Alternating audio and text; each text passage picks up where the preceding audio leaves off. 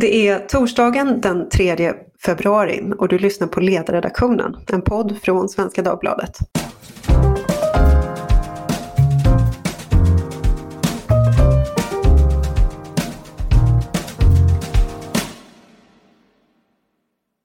Jag heter Paulina Neuding och jag ska börja redan nu med att be om ursäkt för min skrovliga röst. Det ni eventuellt hör är lite kvardröjande covid-rasslighet.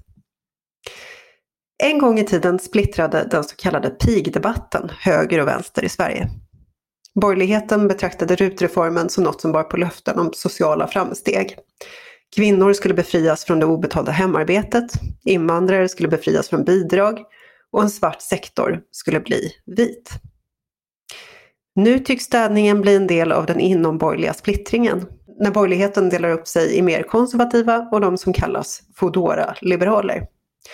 Lyssna bara på hur det lät i rak höger, Ivar Arpis podd, när han samtalade med den konservative statsvetaren Johan Wenström. Båda är medarbetare på SVDs kultursida. Vad, vad menar du med då Foodora-liberalismen? Mm, ja, det är ett synsätt på arbetsmarknaden kan man säga där eh, man anser att eh, även, även väldigt enkla jobb och, och, till och med ganska förnedrande jobb är värda för individen att ta.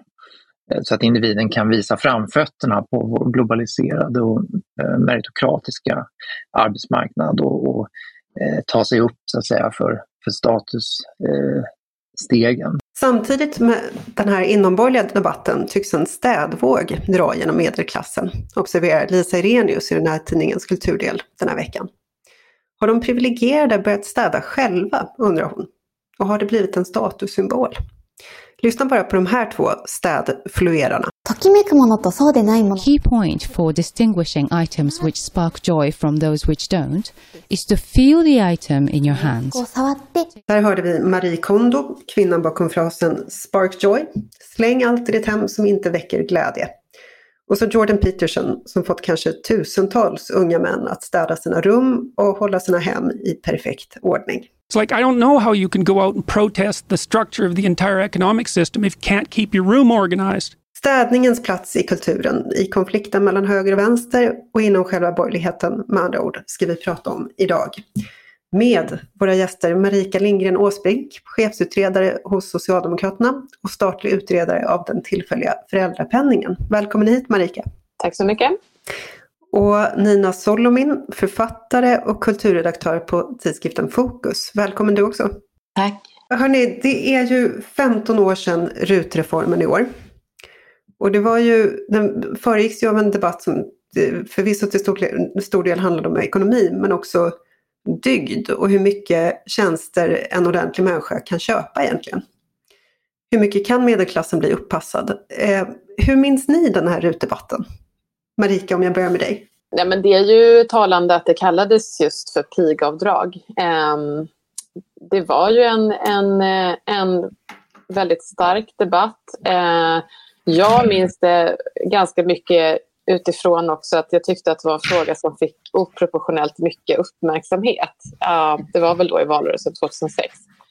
Um, ehm, jämfört med väldigt många andra frågor som, som, som också är viktiga politiskt så så upplevde jag att liksom det skrevs väldigt mycket om det. Och det var väl på något sätt, den, den är ju laddad, det, är väl inte, liksom, det blir lite en symbolfråga för både ja, klassperspektivet kommer in men det handlar också om eh, ja, människors familjeliv och drömmar om liksom, mer fritid och eh, allt sånt där. Så att, eh, men jag tyckte ändå att den, den, liksom, den tog väldigt mycket kraft på agendan och oavsett om man för eller emot så kanske jag kunde tycka att det fanns andra saker saker som var viktigare. Men det blev, visst var det så att det blev den stora jämställdhetsfrågan ett tag? Va? Ja, exakt. Det var ju ett viktigt argument som användes. Just det, hade jag nästan glömt. Men att det, eh, så var det ju. Att det mm. skulle frigöra tid för kvinnor då, eh, framför allt. Men sen fanns ju också arbetsmarknadsargument, att det skapar ingångsjobb eller fler jobb och det handlar om att göra svarta jobb vita. Och, eh, men det var ju också, det var väl Maud Olofsson, var det inte det, som hade någon sån här om liksom, formulering och fredagsmys. Eller jag kommer inte ihåg. Alltså det var lite det här vad det skulle frigöra tid till. Att det var, Eh, den aspekten tror jag var viktig också. Men var det inte så att debatten befann sig liksom där någonstans? Alltså, det här är före eh, det, det, stora utbrottet av gängkriminalitet och hela den debatten. Alltså man det var lite så här eh, det, det, lilla körsbäret högst upp på grädden. Liksom. Man pratade om butlers i tunnelbanan från Socialdemokraternas sida. Det var som att debatten befann sig liksom i, i den typen av dimensioner. Det är klart att det finns ett före och efter, tänker jag, eh, den allt grövre eh, gängkriminaliteten som vi har sett utvecklas under 2000-talet i Sverige. Eh, men jag, tänker, jag tycker det är väldigt spännande faktiskt hur den här frågan om städning i hemmet har, har utvecklats. Jag är ju så pass gammal så att jag var ju verksam som journalist på 90-talet. Och jag minns så tydligt, faktiskt just för Svenskans kultursida, där jag var skribent. Och jag minns att jag gjorde under stort, eh, får man väl säga, liksom hemlighetsmakeri var det väl inte, men, men det var så att jag intervjuade en man eh, som jag hade lyckats hitta på Östermalm, en reklamkille, eh, vad kan han ha varit, i 30, 30-årsåldern, som hade en städerska, eh, städhjälp, svart städhjälp, en svart städerska en, ja, eh, från Asien. Och han gick med på att göra en intervju om detta eh, högst anonymt, totalt anonymiserat. Men den intervjun som jag minns den, det var en enorm laddning i det här att han eh, faktiskt eh, tillät sig att hyra in den här tjänsten. Eh, det var någonting skamligt över det. Det var ju också svart förstås. Det var vanligare då, före RUT, att, att det var svart då, den här typen av tjänster. Men det var också en otroligt stark moralisk laddning i det här. Det där samtalet handlar mycket om över och underordning och han var sur när hon inte kom ihåg att tvätta bakom toan och sådär. Det var liksom, mm. jag skulle säga att idag är ju eh, i och med RUT och att, att, att, att det är mycket vanligare brett i medelklassen framförallt att ha städhjälp för familjer och sådär så, så har det ju blivit mer avladdat än vad det var då. Mm. Det, det, kanske inte riktigt fanns en infrastruktur för att köpa den här tjänsten vitt på det sätt som jag minns det. Jag vet, inte, vet du det Marika, om det liksom, gick det överhuvudtaget att köpa de här tjänsterna vitt eller var det väldigt komplicerat? Eh, nej, det, det, det känner jag inte till. Nej, men det, det är väl klart att det förekommer. Det måste mm. det ha gjort. Eh, även vita stödtjänster. Men eh, det var väl helt enkelt mindre vanligt, skulle jag gissa. Alltså, mm. Den totala användningen har ju säkert ökat, även om man liksom, oavsett om man tänker att det är svart eller vitt, så tänker jag att det har ökat över tid. Nej, i privata hem så, så måste du ha gjort det, absolut. Mm. Eh, det är mycket mer utbrett idag. Eh, Gudrun Schyman hon sa ju vid något tillfälle i den här pigdebatten väldigt uppjagat sådär, att det var, det var män som skulle komma hem och städa undan sin egen skit. Och när hon sa det 1998 så betecknade Dagens Nyheters ledarsida det som skurhinksmoralism hittade jag i, i artikelläggen. Eh, men nu är det nästan som att Gudrun Schyman föregick Jordan Peterson med det här att man ska hem och, och städa. Finns det en ny överlappning här mellan, mellan höger och vänster? Jordan Peterson och Gudrun Schyman, ja. ja, precis. Det, det, är liksom städningens moraliska dimensioner och, och, och ja. liksom den här psykologiska effekten av att man, man tar hand om, om, det, om sin, egen, sin egen skit helt enkelt. Ja, det har jag absolut funnit men det är ju en, en bild som finns att, att man ska göra det. Och, eh, det var ju en ganska vanlig vänsteråsikt eh, eh, tidigare i RUT-debatten. Jag tycker inte att den är lika liksom, ehm, framträdande längre. Mm. Ehm, men det, det, har ju absolut funnits med. Ehm, mm. Men du menar att det har förändrats även inom vänstern, att man inte riktigt ser på det på det sättet längre? Jo, jag tror att det finns många som ser det på det sättet, men att det helt enkelt har blivit en ganska avladdad fråga. Ehm, eftersom vi har nu haft det här rutavdraget sedan 2006 och visserligen med vissa förändringar då fram och tillbaka kring hur stort avdrag man får göra eller var taket ligger och sådär.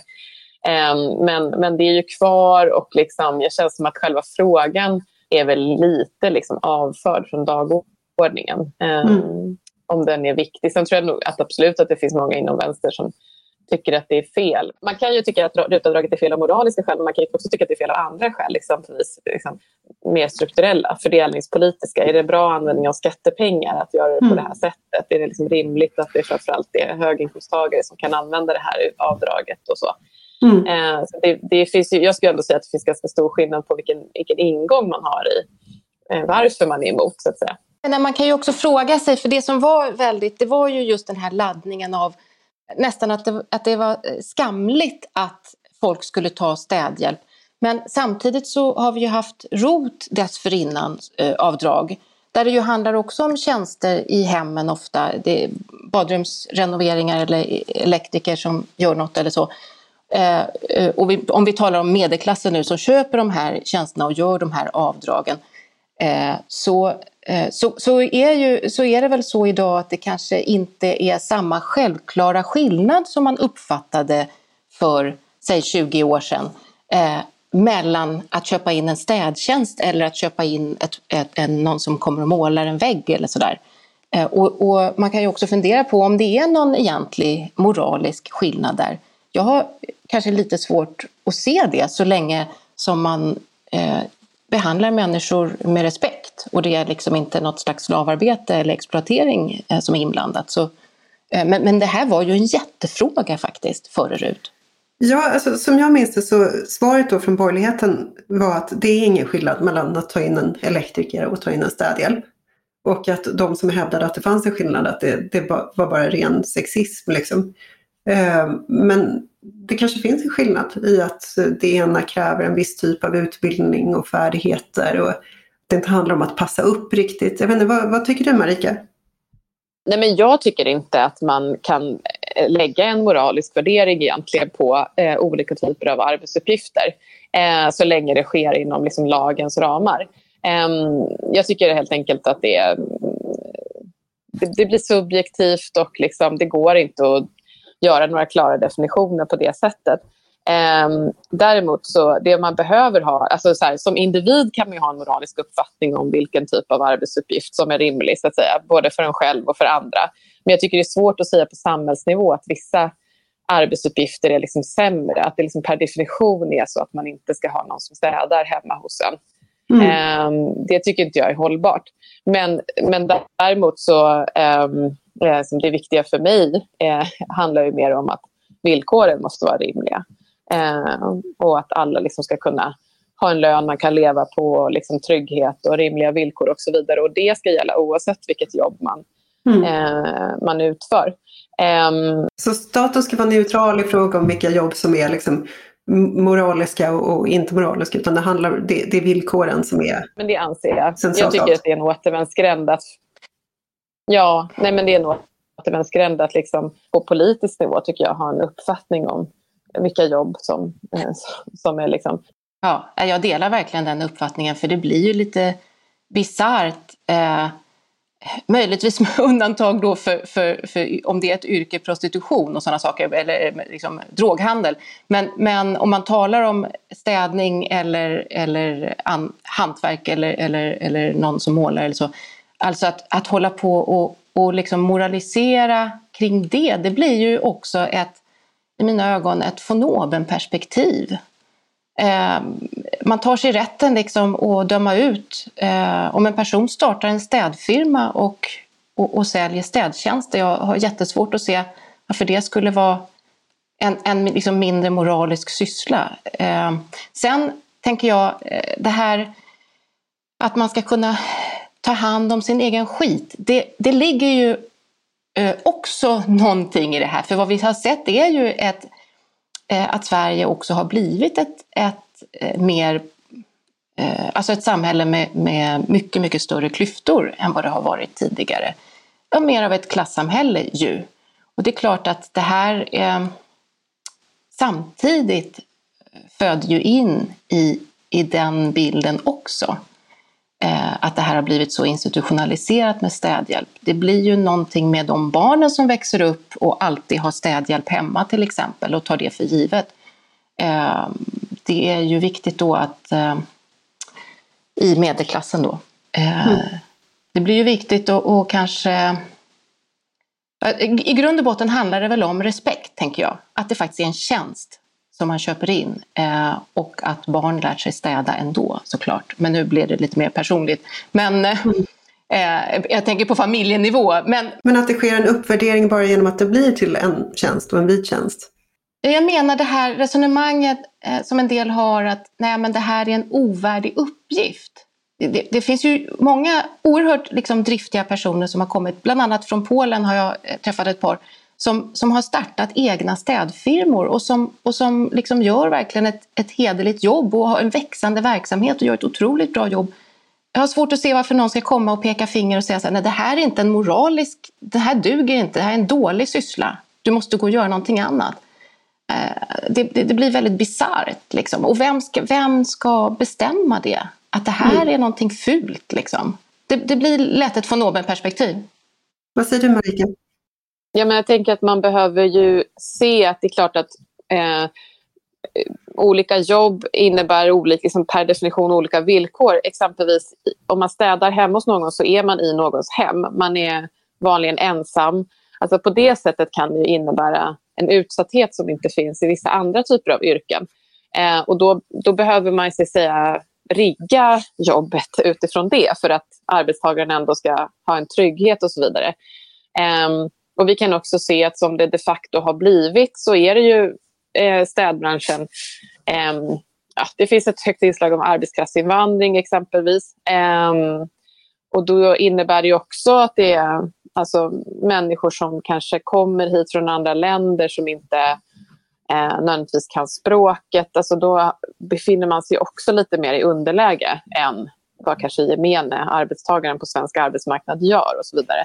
Och då måste det så att säga också finnas liksom, system och fackförbund och insyn och så vidare som, som kan garantera att eh, även, eh, även i den situationen så har man rimliga villkor och trygghet och så vidare. Mm. Eh, så på det sättet är det klart, alltså den diskussionen måste man ju kunna ha.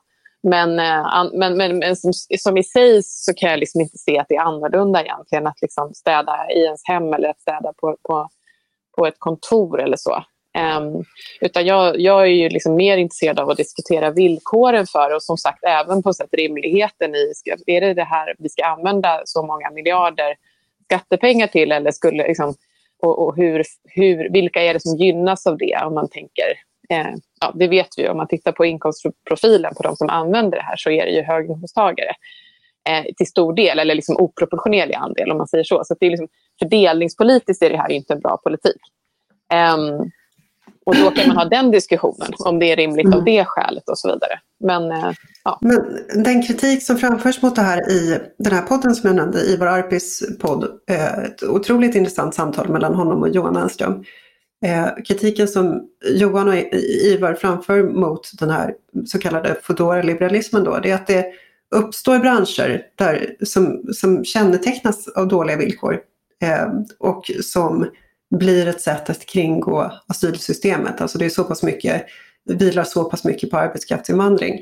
Eh, och det är branscher som, eh, jag tror att om man är mer konservativt lagd så ryggar man tillbaka inför en situation där eh, vi får liksom eh, nagelsalongerna och cykelbuden och, och eh, någon som, migrant som står och packar dina varor vid liksom varubandet på ICA. Det, det, är liksom, det är en typ av arbetsmarknad som inte, som inte traditionellt har haft i Sverige, som är ny och som, eh, där man, som är kraftigt etnifierad också. Att, det, att det, känns, det känns helt enkelt inte rätt. Kan ni förstå den invändningen? Ja, alltså återigen, eh, villkoren ska ju såklart vara schyssta och det är väl ingen, jag tror att det är många som tycker att det är problematiskt med den här typen av gigjobb. Eh, människor som, som liksom för, för en låg peng eh, kanske oförsäkrade, vem vet, eh, fraktar frakta runt grejer eller ja, cykla genom stan med pizzor eller vad det kan handla om.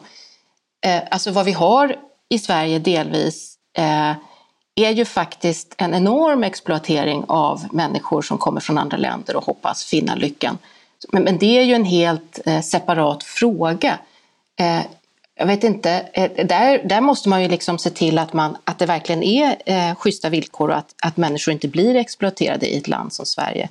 Eh, för då blir det ju det, det blir ju bisarrt också för att det blir som ett parallellsamhälle som vi har ju ändå kollektivavtal och schyssta villkor i, i vanliga jobb, så att säga, citationstecken. Och sen så har det bildats den här liksom under underklassen som, som kan ha slavliknande eh, arbeten. Det är ju förfärligt. Det tycker väl alla. Men jag vet inte om det liksom automatiskt ska leda till att man förbjuder städtjänster. Eh, det, det, är ju kanske inte riktigt eh, rätt väg att... Det är liksom ett, ett, ett märkligt sätt att, att, att inordna samhället, att börja förbjuda olika jobb för att de anses av någon vara ovärdiga. Mm. Jag, jag, jag tror att det var där eh, i var Johan landade eller dit de ens var på väg. Utan eh, utöver liksom diskussionen om, om politiken och vad politiken ska göra, det, det är liksom en sak. Men när, bara som när man observerar vad, hur samhället förändras och vart det är på väg så, så finns det inslag som man kan vara olika mycket nöjd med.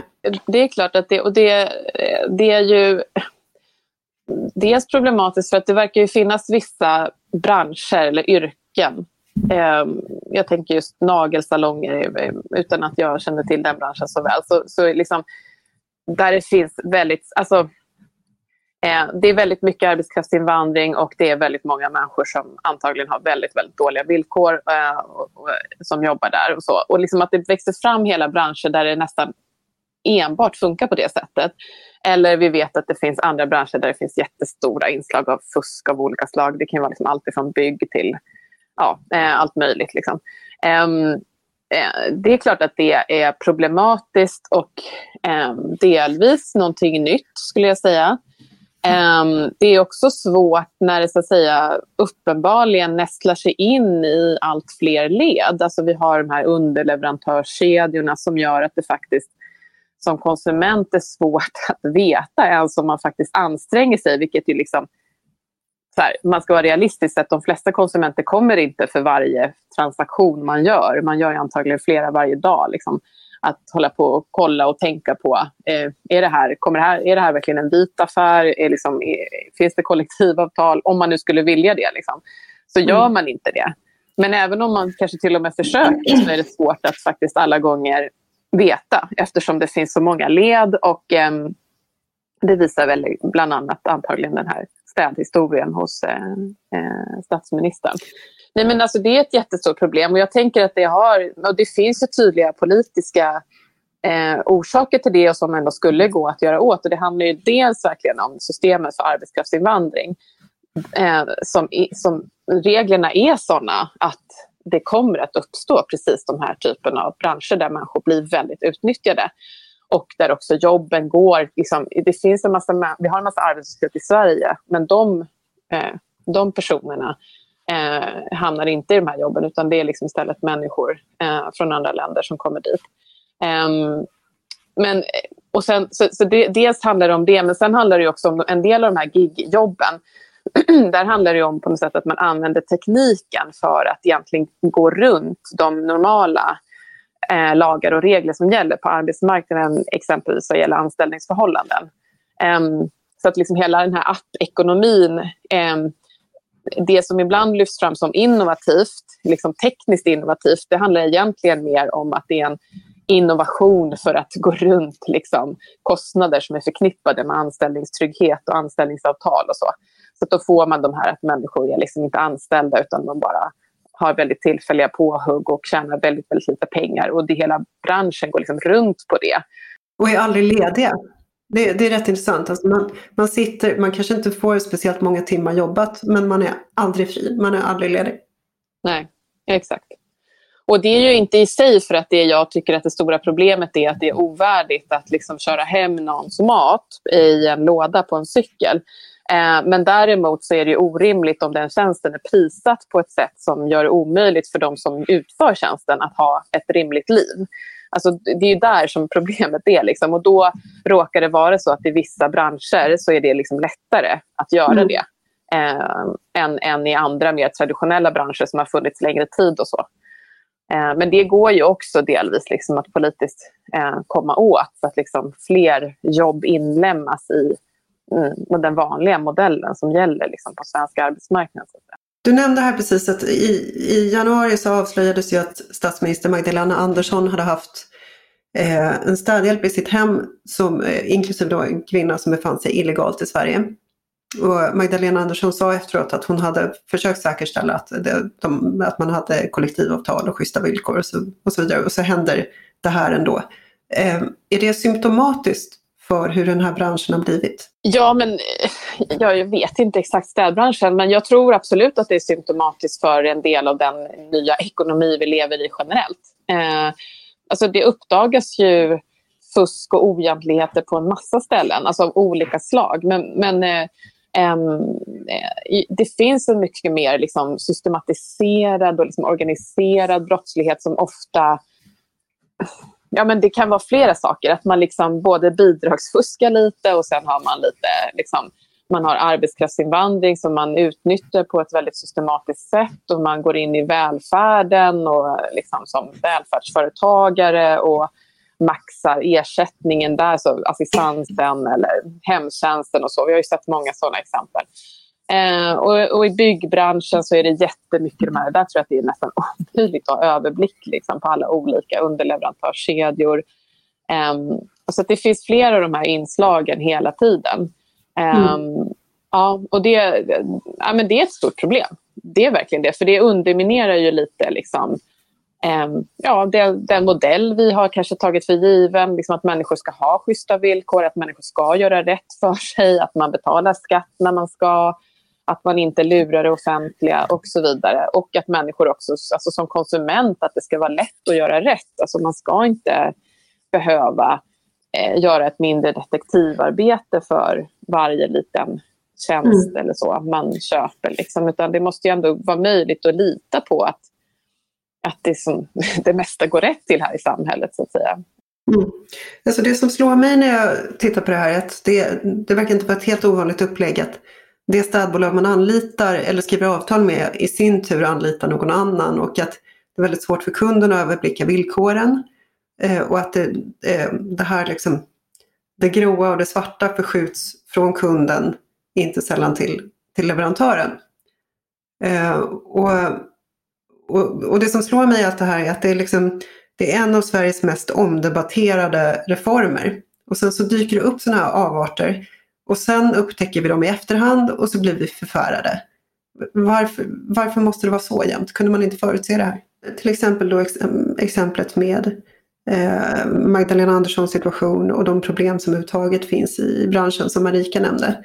Nej, men jag tycker absolut att det har funnits en, en eh, naivitet i ett, ett, stort antal av de eh, politiska reformer som har genomförts som öppnar för det här. Alltså det handlar dels om arbetskraftsinvandringen.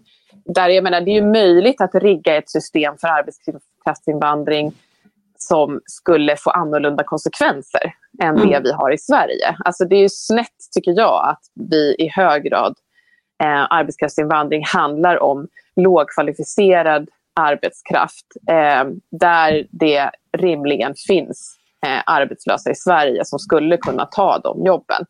Ehm, man kan ju rigga ett system på ett annat sätt om det exempelvis är väldigt specifik, liksom, alltså bristyrken och väldigt specifik kompetens som man helt enkelt inte har i Sverige och att man då liksom ändå kan människor kan komma utifrån och eh, komma med den kompetensen. Det är fullt möjligt, men det är inte så det svenska systemet ser ut. Det finns andra system i andra länder. Så det, är liksom, det tycker jag absolut att man skulle kunna förutse. Um, och sen i kombination med också en, hel av, en del av de liksom, välfärdsreformer man har gjort. Um, jag menar, vi har sett liksom, i, i assistansen exempelvis så finns det ju jättestora problem med att man liksom kombinerar att man fuskar med själva ja, det systemet för offentlig, alltså för finansieringen, för pengarna eh, i assistansen samtidigt som man också eh, har arbetskraftsinvandring och ibland också att man liksom, eh, ja, alltså man kanske tar hit människor från andra länder som har problem eh, som man ska kunna få assistans för och så. Eh, och jag tror att det liksom, gäller många, många, många av de välfärdsreformer där man har öppnat för privata utförare så öppnar man också för eh, ett fuskande. Det har ju blivit omfattande problem så att det är uppenbart att man måste kanske göra ett omtag eh, i den här reformen eftersom att det har eh, ju faktiskt eh, ja, men, eh, spårat ur lite grann i just att fusket, att det öppnar upp sådana enorma möjligheter för fusk. Så att det mm. är ju uppenbart att det måste ses över. Men, men hörni, även om vi är överens om att det finns problem och sådär, jämställdhetslöftet i den här debatten, i, i den här reformen, det var ju det var en jättestor fråga Eh, det, här, det här skulle liksom befria kvinnor från stora delar av det obetalda hushållsarbetet. Kvinnor skulle kunna göra karriär på ett helt nytt sätt. Kvinnor i den här branschen skulle bli entreprenörer. Har det här infriats? Ja, det måste man ju nästan titta på, eh, på statistik. Men jag tror att man ska... Eh, Marika, du kanske sysslar med siffror och sånt. Du kanske har bättre siffror. Men jag tänker att man ska vara försiktig med att, att avfärda hela, hela städbranschen. Eh, som jag sa tidigare, jag tror att det finns många exempel på människor som, som har kommit till Sverige och som faktiskt startar välfungerande, sunda företag där de erbjuder tjänster som, som det finns en efterfrågan på. Eh, och att det sker på schyssta villkor. Eh, men det finns ju också en, en enorm stor, liksom, eh, ja, det, det här skuggsamhället som vi har talat om som är ju ett, ett jätteproblem i Sverige idag där människor blir exploaterade. Så det, det, där kommer behöva, där kommer politiker behöva göra något åt. För det är... Eh, det, det, det, slutar liksom med att, att, Sverige som ju ändå är ett, eh, ett välfärdsland eh, med ideal om, om jämlikhet och sådär mellan medborgarna eh, ju blir ju nästan någon slags eh, det, blir någon slags, det börjar liksom likna någon slags råkapitalistisk version av du vet som USA eller så, just det här du nämnde till exempel Paulina, att det står folk och packar ens kassar eller mm. alltså alla de här eh, superenkla jobben, de är ju förknippade med kanske en annan typ av eh, samhälle än vad det svenska har varit. Vad säger du om det, Marika? Eh, vad gäller jämställdheten så tänker jag att det, det, kan ju inte göra någon större skillnad eftersom de flesta människor använder ju inte RUT. Eh, så att Ehm, Ehm, och om man kollar på statistiken, eh, jag har inte sett förändringen över tid, men det är ju ändå så att kvinnor utför ju betydligt mer av det liksom obetalda hemarbetet än män. Ehm, och så, så, ser det ju ut, liksom, ganska, ganska statiskt så att säga. Så några större förändringar så har det egentligen inte blivit. Det är få som utnyttjar det här egentligen. Och man ser inte några stora förändringar i Nej, men det har jag svårt att tänka mig. Men sen så klart man kan, man kan också ha med sig principiell diskussion kring det. Så här, alltså det vi gjort tidigare i Sverige är ju att man har eh, tagit ganska mycket av det traditionella hemarbetet eh, och så har man eh, gjort det offentligt eh, genom förskola och äldreomsorg och så vidare. Eh, och på det sättet har kvinnor komma, kunde kvinnor komma ut på arbetsmarknaden. Men det var ju också då började de ofta jobba i just förskolan och äldreomsorgen. Mm. Um, så att, och, och, jag menar även i städbranschen vad jag vet så är det en, en kraftig överrepresentation av kvinnor. Uh, men jag säger inte att det liksom är samma sak. Jag menar det, det är stor skillnad på att lönearbeta och, och att utföra ett obetalt arbete i sitt hem. Men, men det, liksom, det finns ju en sån aspekt man också kan, kan lägga på det om man nu ska tänka liksom kring jämställdhet. Ja, det är lite vem städar och städerskan. Mm. Den här etniska aspekten då, vad, vad, liksom, vad gör det med oss att, vi, att det finns en tjänarklass som i stor utsträckning kommer utifrån? Hur påverkar det oss liksom, socialt och moraliskt, tror ni? Eh, man kan ju se att många jobb eh, blir dominerade av personer som är utlandsfödda. Um, och jag tror att det, och absolut att liksom en del av, ja men det är ju en gammal diskussion, men liksom vad, när man pratar om invandring eller så, så vad, är liksom, vad egentligen handlar om invandring och vad handlar om klass? Eh, det där är ju alltid en diskussion. Jag tror att, liksom, jag tror att den utveckling vi har haft i Sverige eh, med så pass stor invandring som vi har haft eh, på senare år eh, så blir det ju på något sätt att det här etnifierade problemet, så att säga, det, det tar ju över klassproblemet. Liksom. Så människor kommer ju tolka eh, det som jag kanske skulle mena är högst, är framförallt är klassproblem som så att säga etniska problem. Och det, där, det spelar ju roll på det sättet att det blir en ytterligare... Det kanske, det, på ett sätt kanske det blir liksom en större polarisering. Det gör att det blir ännu större avstånd. Alltså klass i sig innebär också stora avstånd. Liksom. Men mm. om man har klass plus liksom, olika hudfärg så kommer människor att identifiera sig ännu mindre med varandra som de liksom sammanfaller, att liksom underklassen så att säga, sammanfaller med de utlandsfödda så blir det ju lätt för andra att distansera sig från dem och då kommer man inte tycka att liksom man kanske har så mycket gemensamma intressen eller mm. problem som kan lösas gemensamt och så vidare. Så det, det är väl... Ehm, Eh, det kan ju absolut vara ett problem för om, om man liksom vill se ett mer jämlikt samhälle och liksom, politik som leder dit och så. Det kan vara svårare att få stöd för det tror jag. Hur mycket av högerkritiken tror du egentligen är ett migrationsmotstånd?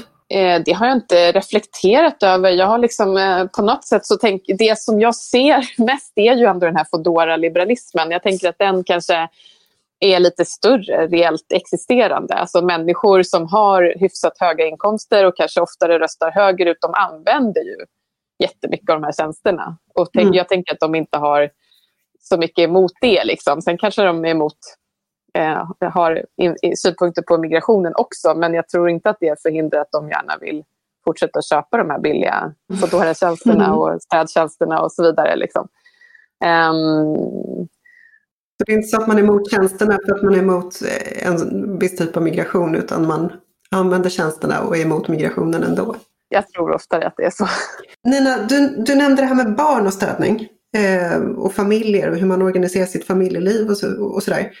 Eh, jag tänker det här med att ha hushållerska, det var borta i Sverige under 50 års tid. Eh, så att det här det är liksom, vi har den första generationen i modern tid som växer upp med, eh, alltså utöver den här yttersta överklassen, som växer upp med att Agnieszka fixar städningen hemma.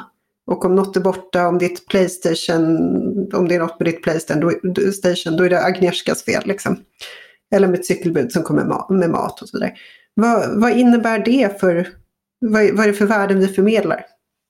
Till den uppväxande generationen, tänker jag. Nej, men jag, jag, jag funderar just på det där. Eh, du nämnde inledningsvis eh, den här, någon slags eh, eh rättesnöre att man ska eh, städa bort sin egen skit helt enkelt. Mm. Jag tror att eh, eh, ja, och det, eh, så kan det ju vara. Eh, jag tycker egentligen inte att eh, det är problematiskt att köpa in städtjänster i en familj till exempel om, man, om det är svårt att hinna med två förvärvsarbetande föräldrar och så vidare. Eh, så länge det är schyssta villkor såklart. Eh, men det är ju just det där med medelklassens barn då. Eh, det blir, det blir ju mer så då som för 50-60 år sedan, som i första halvan av 1900-talet, att det finns en klass vars barn liksom en lite större klass än bara det absoluta toppskiktet eh, som inte vet hur man städar en toalett eller ja, på sin höjd kan bädda en säng kanske. Men, men, som, men som egentligen inte kan den där konsten att städa. För det är ju också ett hantverk att veta hur man får rent ett hus eller ett rum. Mm. Um, och det är klart att det där kan man fundera på tycker jag. Det är ju, jag tror eh, många eh, föräldrar i medelklassen som kanske tar städtjänster känner säkert att det är viktigt att barnen eh, som en slags eh, ja, men som en del i vuxenblivandet och att kunna vara en självständig person också såklart ska känna till sådana saker. Men det är ju egentligen inte konstigare än att man ska kunna ha många andra färdigheter eh, när man är vuxen. Ehm, men jag tror att vad det någonstans det, det kretsar kring är ju att det, det, Sverige är mycket mer av ett klassamhälle än, än det var för ja, bara i slutet av 90-talet. Eh, och det är klart att det också är kopplat till migration. Eh, och eh, är det, alltså det är ju ofta så en, en liksom invandringsprocess generellt, oavsett vilket land man kommer till, så, så är det ju ofta så, eh, i lyckliga fall så kan man använda sin högskoleutbildning om man ens har en sån. Eh, I andra fall så kan det vara så att också personer som har gått på universitet i hemländerna kanske måste ta ett städjobb till att börja med. Det är ju så när man kommer ny till ett annat land och en annan kultur eh, och inte har nätverk att man ofta Eh, börjar från botten. Eh, och förhoppningen hos många människor som, som eh, ja, man kanske flyr från krig och så, men även ekonomiska migranter Eh, som hoppas på ett bättre liv. Eh, förhoppningen är ju ofta att barnen ska få det bättre. Eh, och jag tror att vad vi ser i Sverige idag generellt, om vi nu ska tala om migrationen, det är ju hur, hur viktigt det är, att det nästan står och väger lite nu, hur viktigt det är att inte ett eh, utanförskap och, och då eh, jobb med dåliga villkor cementeras i en viss klass eh, och går vidare mellan generationerna. Utan att utan att det faktiskt är så att det kan hända att föräldrar som kommer ny till ett land, att man tar ett jobb som är kanske eh, lite tuffare och så, men att det finns en chans för barnen att, eh, att skapa ett bra liv helt enkelt. Hörrni, om vi avslutar med en liten samtidsspaning. Vad, vad tror ni att vi, I vilken riktning tror ni att vi rör oss? Är det så att vi går mot mer av en uppassningsekonomi där, där medelklassen eh, genom olika appar bland annat kan lägga ut allt mer av livet på andra människor?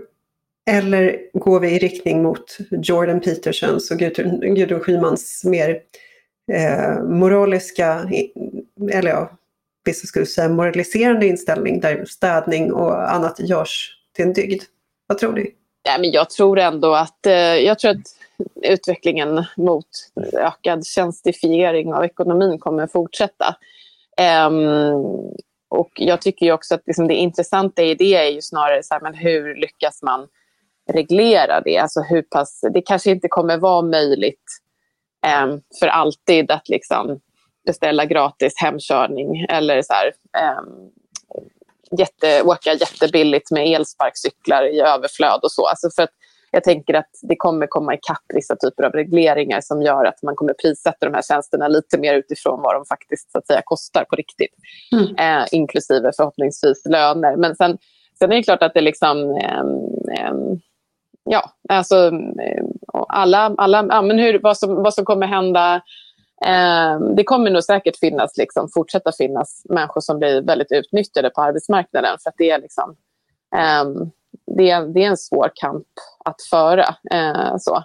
Men sen så tänker jag så här, jag tror att generellt ändå också att vi kommer, det kommer bli ökade ehm, åtgärder mot liksom, en del av det här fusket. Så. Oavsett om det handlar om välfärdsbrottslighet eller bidragsfusk eller alltså, eller liksom annan typ av organiserad brottslighet generellt så tror jag ändå att vi går emot eh, ökade liksom, hårda tag mot det eh, på flera fronter så här, över tid. Men det tar ganska lång tid för det är krångligt att reglera och det innebär kanske ökad kontroll av vanliga medborgare och så. Det finns ju såklart ett motstånd mot det också. Men jag tycker att vi börjar komma liksom på de nivåerna eh, där, där fusket är så pass stort och det handlar om så pass mycket pengar och också skattepengar som, som verkligen rinner ut. Liksom, att fler och fler kommer ändå känna att det är angeläget att liksom, skruva åt en del av de skruvar som, som har gjort det möjligt hittills att utnyttja de här luckorna. Du som känner Socialdemokraternas inre liv väl, finns det en sense of urgency skulle du säga i, i den här frågan? Ja, men det tycker jag. Eh, det är klart att en del av det här är ju sånt som man alltid traditionellt, jag menar liksom, att folk far illa på arbetsmarknaden, det, att man är emot det är ju inget nytt, men jag tror att nu har det på något sätt eskalerat. Det handlar både om att liksom, arbetstagare far illa, men det handlar också om det här större fusket. Eh, att liksom, eh, det finns oseriösa företag i väldigt många och stora branscher. Eh, och att eh, skattepengar också försvinner väldigt liksom, i många av de här eh, eh, i de här branscherna som finansieras av skattepengar, så att säga, till felaktiga utförare och så.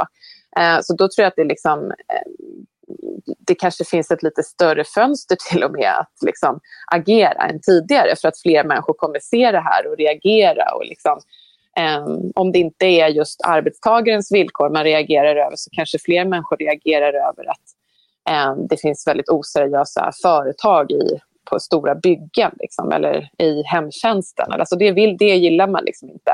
Och då tror jag att det finns en större möjlighet att faktiskt politiskt också kanske göra någonting åt det än, än vad det kanske gjort tidigare.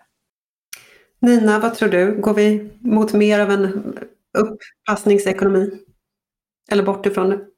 Ja, uppassning. Jag tänker, jag vet inte om du nämnde det i början, men eran eh, tidningens eh, Svenskans kulturchef Lisa Irenius hade ju en krönika i söndags eh, som handlade om det här, eh, det du var inne på inledningsvis väl, att medelklassen ska städa sin egen skit och sådär. Och hon pekade på några bästsäljare eh, som eh, eh ja, som handlar om städning och som säljer jättebra. Det jag sitter och funderar på är bara så här, eh, det kan ju, hända, kan ju hända att det helt enkelt har blivit så att medelklassen eh, och överklassen älskar att läsa om städning.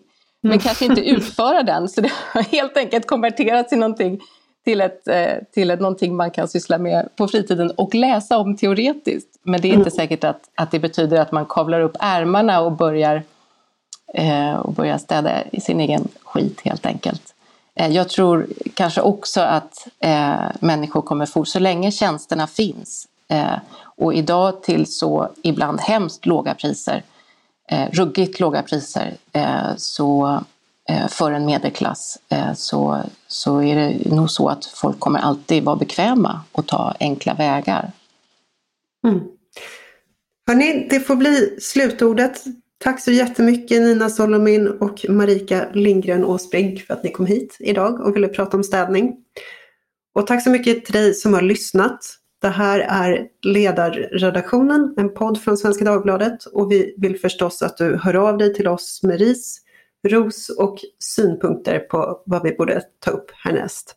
Vi hörs snart igen.